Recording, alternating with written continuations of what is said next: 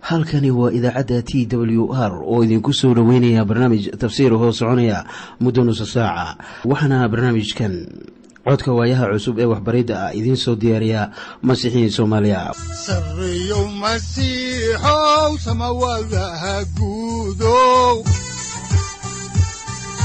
Siraadkii adduunkow subanaha eebow sareyow masiixow samawadaha guudow siraadkii adduunkow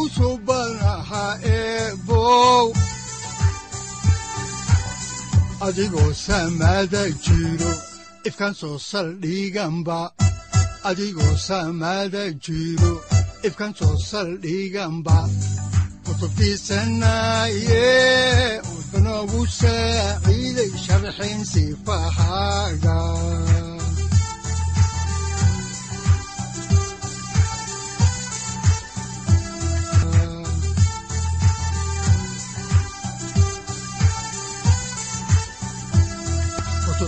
kutubtiisinayo ebnagu saaciid sharxin sifahaaga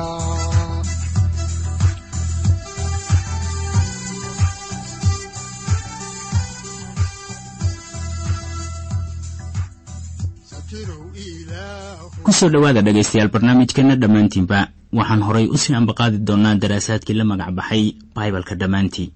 Kuwaasoo aynu ku eegayno dhammaan waxa ku qoran kitaabka quduuska ah ee ilaah. Waxaannu horay idinku sii wadi doonnaa kitaabka bilowgii oo ah kitaabkii koowaad ee muuse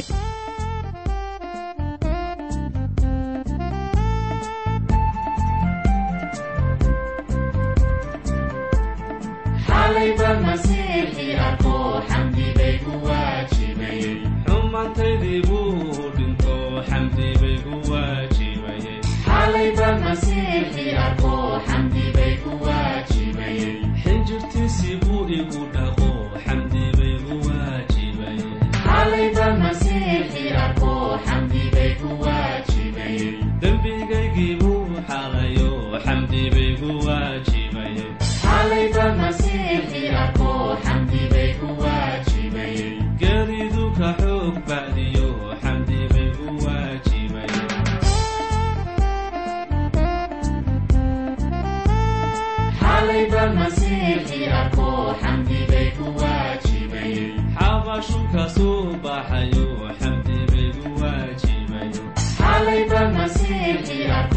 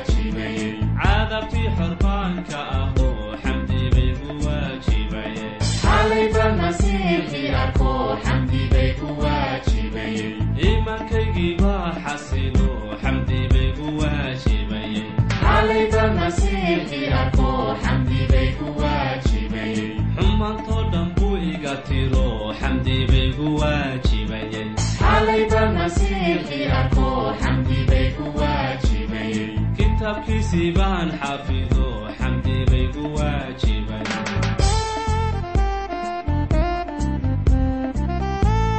Xalay baan masiixi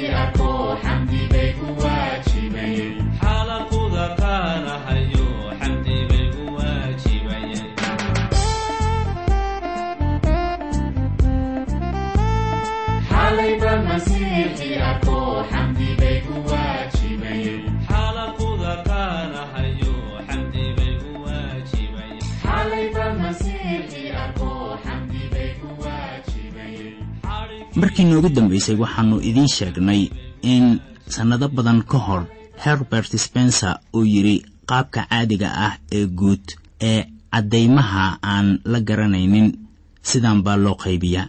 Waxaana weeye wakhtiga hawada cidlada ah walxada curiyayaasha iyo dhaqdhaqaaqa walxaha. Spencer sidaas buu wax u kala qaybiyey haddaba nin shaqaalayaasha shirkadda sare madax u ah oo la yidhaahdo george dewi blomgren baa la hadlayey nin saddex alifle ahaa oo saajin ahaa oo welibana sharciyaqaan ahaa. Haddaba george wuxuu doonayey inuu ninkaas saddex aliflaha ahaa guddoonsiiyo masiixa. Saddex aliflahan wuxuu wax ka akhriyey qoraalladii spencer oo wuxuu ayiidsanaa sida muuqato masaalka meerta nololeedka markaasuu yidhi war miyaadan ogeyn waxa ninka spencer la yidhaahdo uu qoray? Waa maxay? Ciisahan aad iga sheekaynayso. Markaasaa george blomgren uu bilaabay inuu wax uga sheego saddex aliflaha qoraalladii herbert spencer oo wuxuu ku yidhi war miyaadan ogeyn in baibalka iyo spencer ay dadka baraan qaynuunka ugu weyn ee abuurista markaasaa saddex aliflihii wuxuu ku yidhi sidee bay taasi ku dhici karaysaa in spencer iyo baibalku ay isku qaynuun? Ina baraan. War maxaad noo sheegaysaa blomgren ayaa dabeeto u sheegay saddex aliflaha qaacidadii spencer. Wuxuu ku yidhi spencer wuxuu ka hadlay wakhtiga hawada cidlada ah walxada curiyayaasha iyo falniinka walxada. Isagoo faalladiisa sii wata ayaa george. Waxa uu leeyahay. Kitaabka baibalkana waxaa ku qoran bilowgii oo ah wakhtiga bilowgiisa. Ilaah wuxuu abuuray samada oo ah hawo bannaan iyo dhulka oo ah walxada. Dhulkuna qaab ma lahayn wuuna marnaa. Godcurna moolkuu dul joogay. Ruuxii ilaahna oo ah curiyaha wuxuu ku dul dhaqdhaqaaqayey oo ah falniinka walxada biyaha bolomgren oo dhaygag iyo dhagafaar ku riday saddex aliflihii sharciyaqaanka ahaa ayaa yidhi miyaadan ogeyn inay spencer ku qaadatay konton sannadood sidii uu runtan ku soo saari lahaa. Laakiin adiga waxay haatan kugu qaadanaysaa konton ilbiriqsi. Wixii intaas ka dambeeyey ninkii saddex aliflaha ahaa lama uusan sii doodin bolomgren balse wuxuu guddoomay ciise uu u aqbalay inuu yahay badbaadiyihiisa shakhsi ahaaneed. Haddaba waa wax xiise leh in ilaah qaynuunadan waaweyn uu geliyey labadan aayadood ee ugu horreeya kitaabka bilowgii. War maxay innagana inoo muhiimad ballaaran tahay inaan taas aragno? Wixii kontomeeyo sano la baadigoobayey ayaa ku soo ururay ugu dambayntii laba aayadood ee ugu horraysa ee kitaabka koowaad ee muuse oo loo yaqaano bilowgii waxaana qoran dhulkuna qaab ma lahayn wuuna marnaa gudcurna moolkuu dul joogay oo ruuxa ilaahna wuxuu ka dul dhaqdhaqaaqayay biyaha. Inkastoo aragtiyadan weyn ee ilaah ina siiyey aan marar badan waxba laga soo qaadin sannadadii la soo dhaafay. Haddana waxaan rumaysanahay in burbur weyn uu ka jiray inta u dhexaysa aayadda koowaad ilaa iyo aayadda labaad sida aan arki karayo waxaa halkan yaalla caddaymo fara badan. Bal fiiri abuuristan weyn wax baa dhacay ama ku yimid. Safarkii dadka ay ku tageen dayaxa ayaan dunida waxba u muujinaynin laakiin halkaa waxaa yaalla oo keliya dhul aan innaba munaafacaad lahayn. Maxaa keenay in dayaxu halkaa istaago? Waxaan idinku leeyahay waxaa koonka ilaah ka dhacay burbur weyn si caddaan ah ayaa taas laynoogu sheegay. Waa in burbur weyn iyo isku qasnaan ay dhulka tiilay. Waayo halkan waa meesha dadka ku noolaanayo waxaana haatan lagu tilmaamay oo la yidhi dhulkuna qaab ma lahayn. Markaasaa la raaciyey gudcurna moolkuu dul joogay oo tilmaamaysa inaan ilaah halkaas joogin dabcan. Marka la leeyahay dhulkuna qaab ma lahayn ayaa taasu noqonaysaa sharaxaad xiise leh. Marka la leeyahay qaab ma lahayn ayaa ereyga cibraaniga ahi noqonaya tohu oo macnuhu noqonayo baaba haddaba ereyga marnaan ayaa noqonaya cibraani ahaan bohu oo lagu masaali karo meel cidla ah. Haddaba waxaad u jalleecdaa warbixintii waxyiga ahayd ee nebi ishaaciyah sida ku qoran kitaabkii ishaaciyah cutubka afartan iyo shanaad aayadda siddeed iyo tobanaad waxaana qoran sida tan. Waayo rabbiga samooyinka uumay oo ah ilaaha dhulka uumay oo sameeyey oo dhisay oo aan si aan waxba tarayn u uumin laakiinse u uumay in la degganaado wuxuu leeyahay anigaa rabbiga ah mid kalena ma jiro. Halkan wuxuu ilaah ku leeyahay anigu uma aanan abuurin dunidu inay ahaato mid aan qaab lahayn oo aan waxba taraynin. Ereyga waxba taraynin ayaa cibraani ahaan noqonaya toohu oo la mid ah ereyga ku qoran kitaabka bilowgii cutubka koowaad aayadda labaad. Halkan ilaah wuxuu leeyahay anigu dunidu uma aanan uumin inay ahaato mid qaab daran oo maran. Wuxuuse ilaah dunida u uumay inay ahaato mid nidaamsan oo aan isku qasnayn waana tan waxa uu ishaaciyah doonayey inuu inoo sharaxo markii uu lahaa oo aan si aan waxba tarayn u uumin. Ilaah wuxuu dhulka u uumay sida ishaaciyahba uu leeyahay.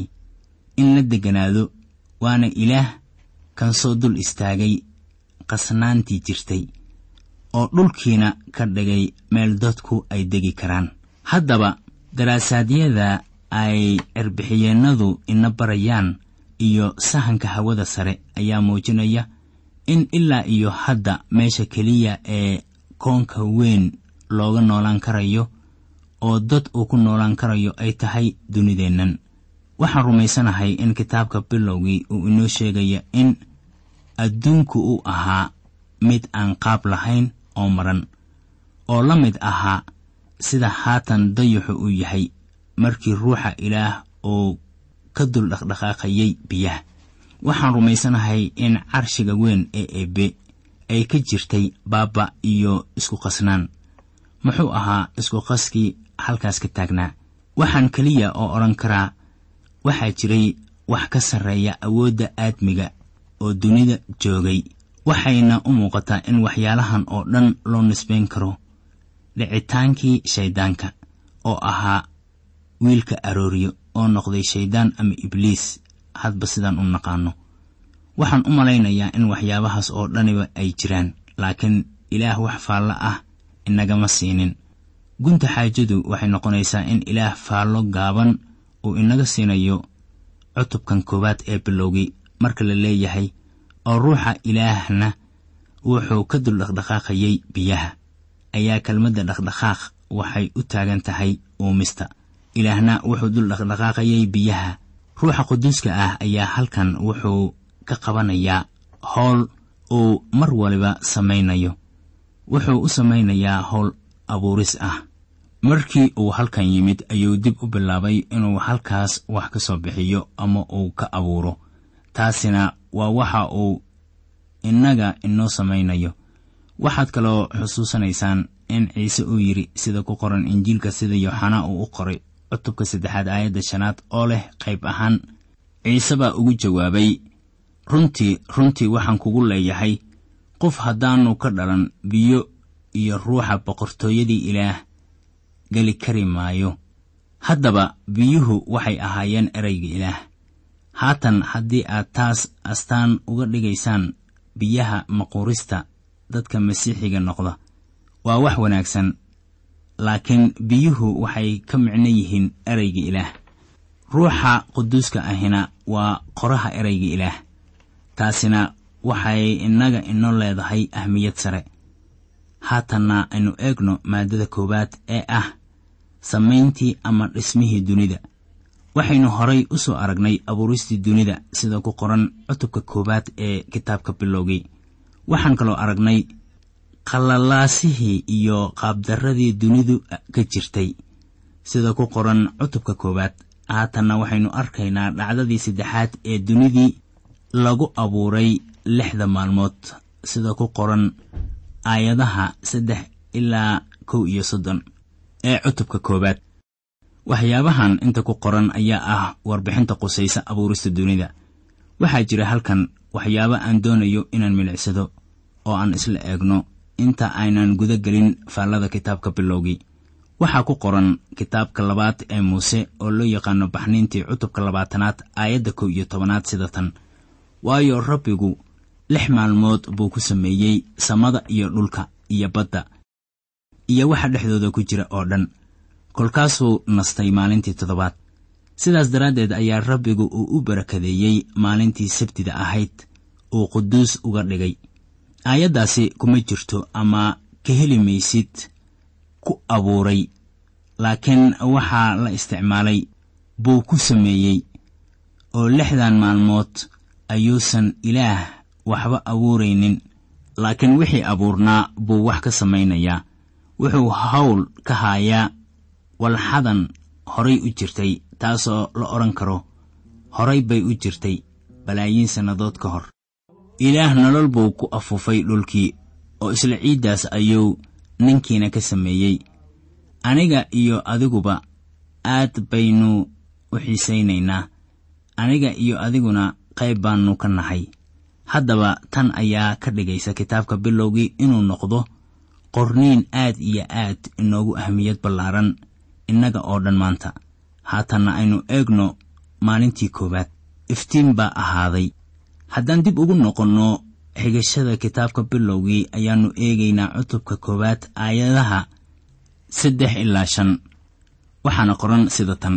Ilaahna wuxuu yidhi iftiin ha ahaado iftiin baana ahaaday.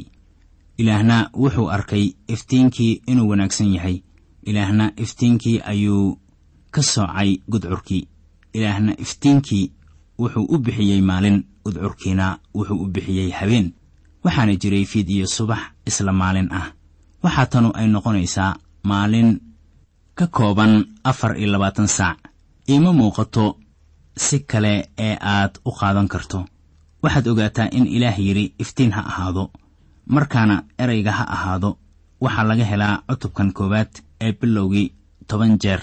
Waa amar marka la leeyahay iftiin ha ahaado ama meel bannaani ha noqoto biyaha dhexdooda qof baa wuxuu yidhi ama ugu yeedhay tobankaas amar ee ilaah inay yihiin tobankii amar ee uumista waana kuwa halkan ku qoran ee rabbaaniga ah.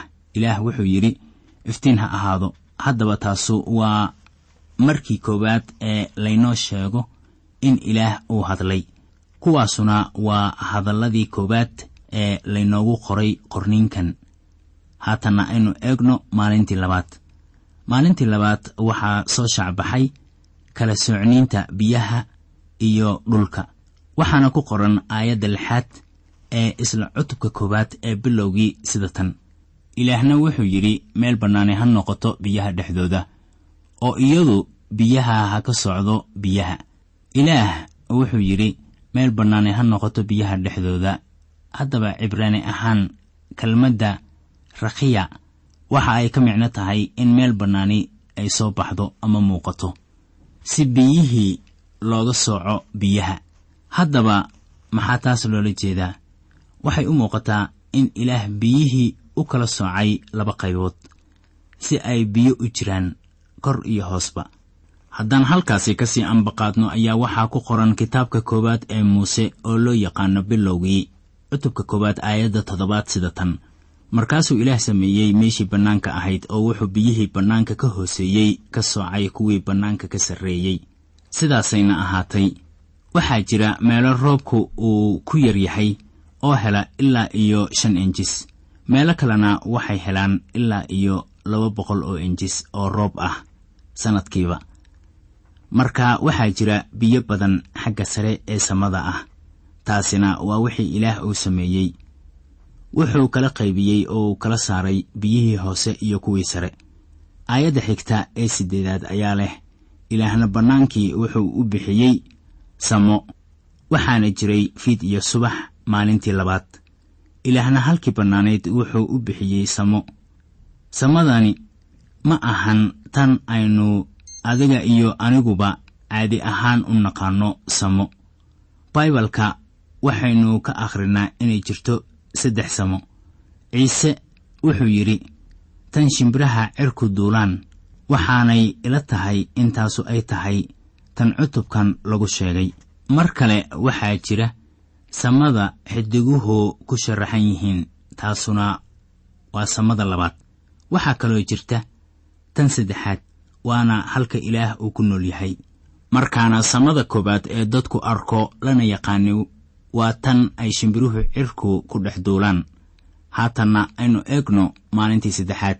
Maalintaasi saddexaad ayaa waxaa ku soo muuqdeen ciidda engegan iyo doogga dhulka. Haddaan horay u sii ambaqaadno kitaabkan bilowgii ayaa waxaa ku qoran cutubka koowaad aayadaha sagaal ilaa toban sida tan. Ilaahna wuxuu yidhi biyaha samada ka hooseeya meel ha isugu soo urureen oo ciidda engeganina ha muuqato sidaasayna ahaatay. Markaasuu ilaah ciiddii engegneed u bixiyey dhul ururkii biyahana wuxuu u bixiyey bado oo ilaah wuxuu arkay intaasu wanaagsan tahay. Waxaa halkan yaalla biyihii oo la kala soocay. Markii ugu horraysay waxaa la kala soocay biyihii kore iyo kuwii samada ka hooseeyey. Biyihiina waxaa loo qaybiyey dhul engegan. Tanina waa fal saynis ah saynisku wuxuu inoo sheegayaa in qayb kasta oo meereeyaha dhulka ama dunideenna ah uu daboolay biyo.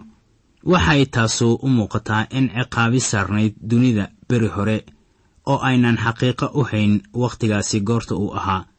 Wixii aynu haddaba arrinkaas ka sheegno waa su'aal mala awaal ah. Waanaad arkaysaa in ilaah inooga sheegay xig yar.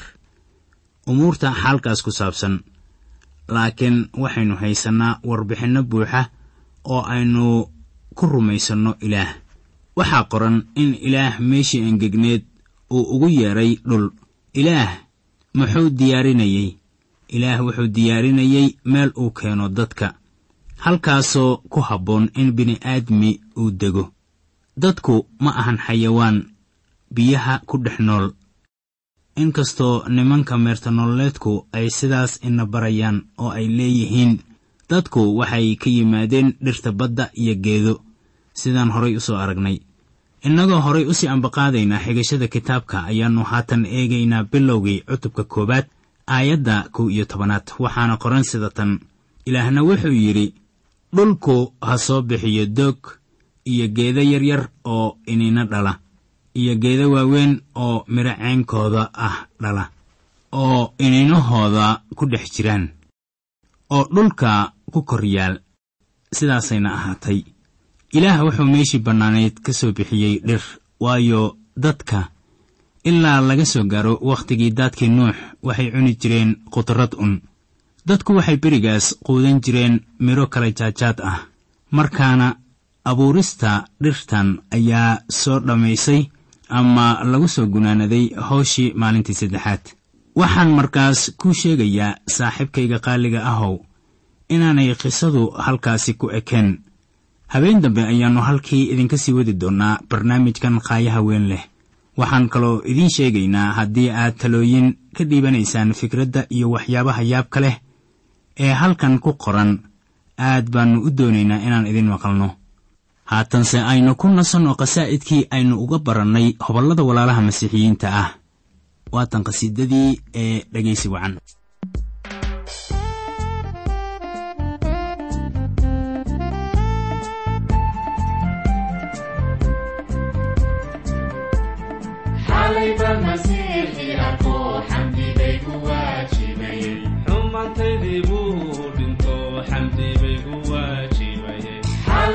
waajibayeen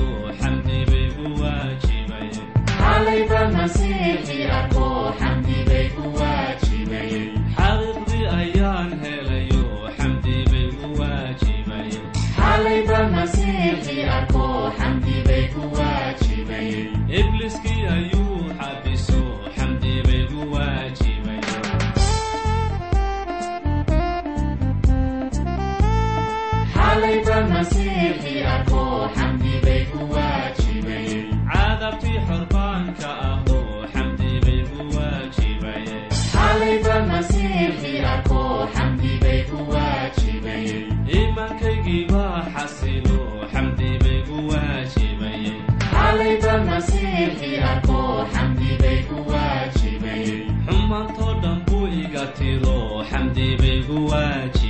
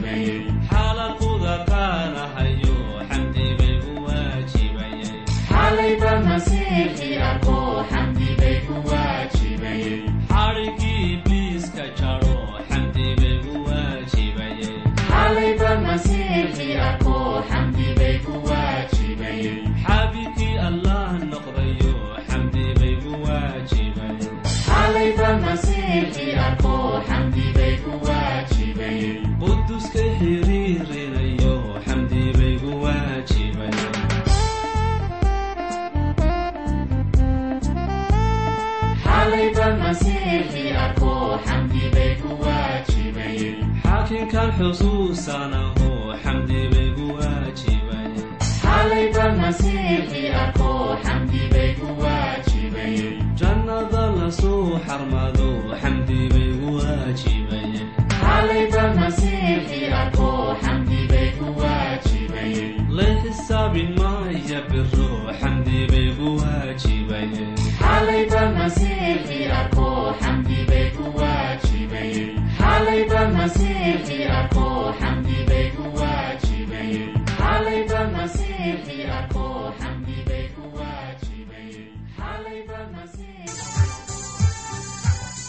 adigoo samaada jiro ifkan soo saldhiganba adigoo samaada jiro ifkan soo saldhiganba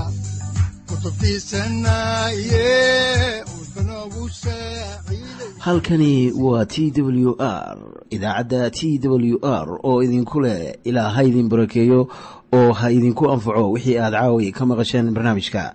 Waxaa barnaamijkan oo kalaa maqli doontaan habeen dambe hadahan oo kale haddiise aad doonaysaan in aad fikirkiina ka dhiibataan wixii aad caawi maqasheen ayaad nagala soo xiriiri kartaan som t w r at t w r c o k e dhegaystayaal haddii aad doonaysaan inaad mar kale dhegaysataan barnaamijka fadlan mar kale booqo www t t b t w r o r g halka sare waxaad ku arkaysaa markii aad gasho language ama luuqadda waxaana dooranaysaa soomaali haddii aad doonaysaan in aad dejisataan oo kaydsataan barnaamijka ama aad mar kale dhegaysataan fadlan mar kale booqo www t t b t w r o r g. Ama haddii aad doonayso in laga kaalmeeyo dhinacyada fahamka kitaabka amase aad u baahan tahay duco fadlan fariimahaaga soo mari bogga aaraahda ama kommentska inana jawaab degdeg ah ayaanu ku soo diri doonaa amase ku siin doonaaye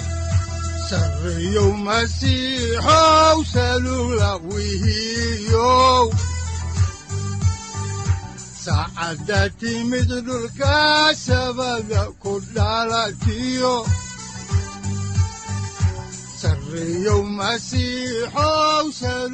halkani waa t w r oo idiin rajaynaya habeen baraare iyo barwaaqaba leh. Inta aynu ka gaari doono wakhti aynu ku kulanno barnaamij la mida kan caawayay aad maqasheen. Waxa aan idinku leeyahay nabadda ciise masiix ha idinku badato xagga jidhka iyo ruuxaba. Aamiin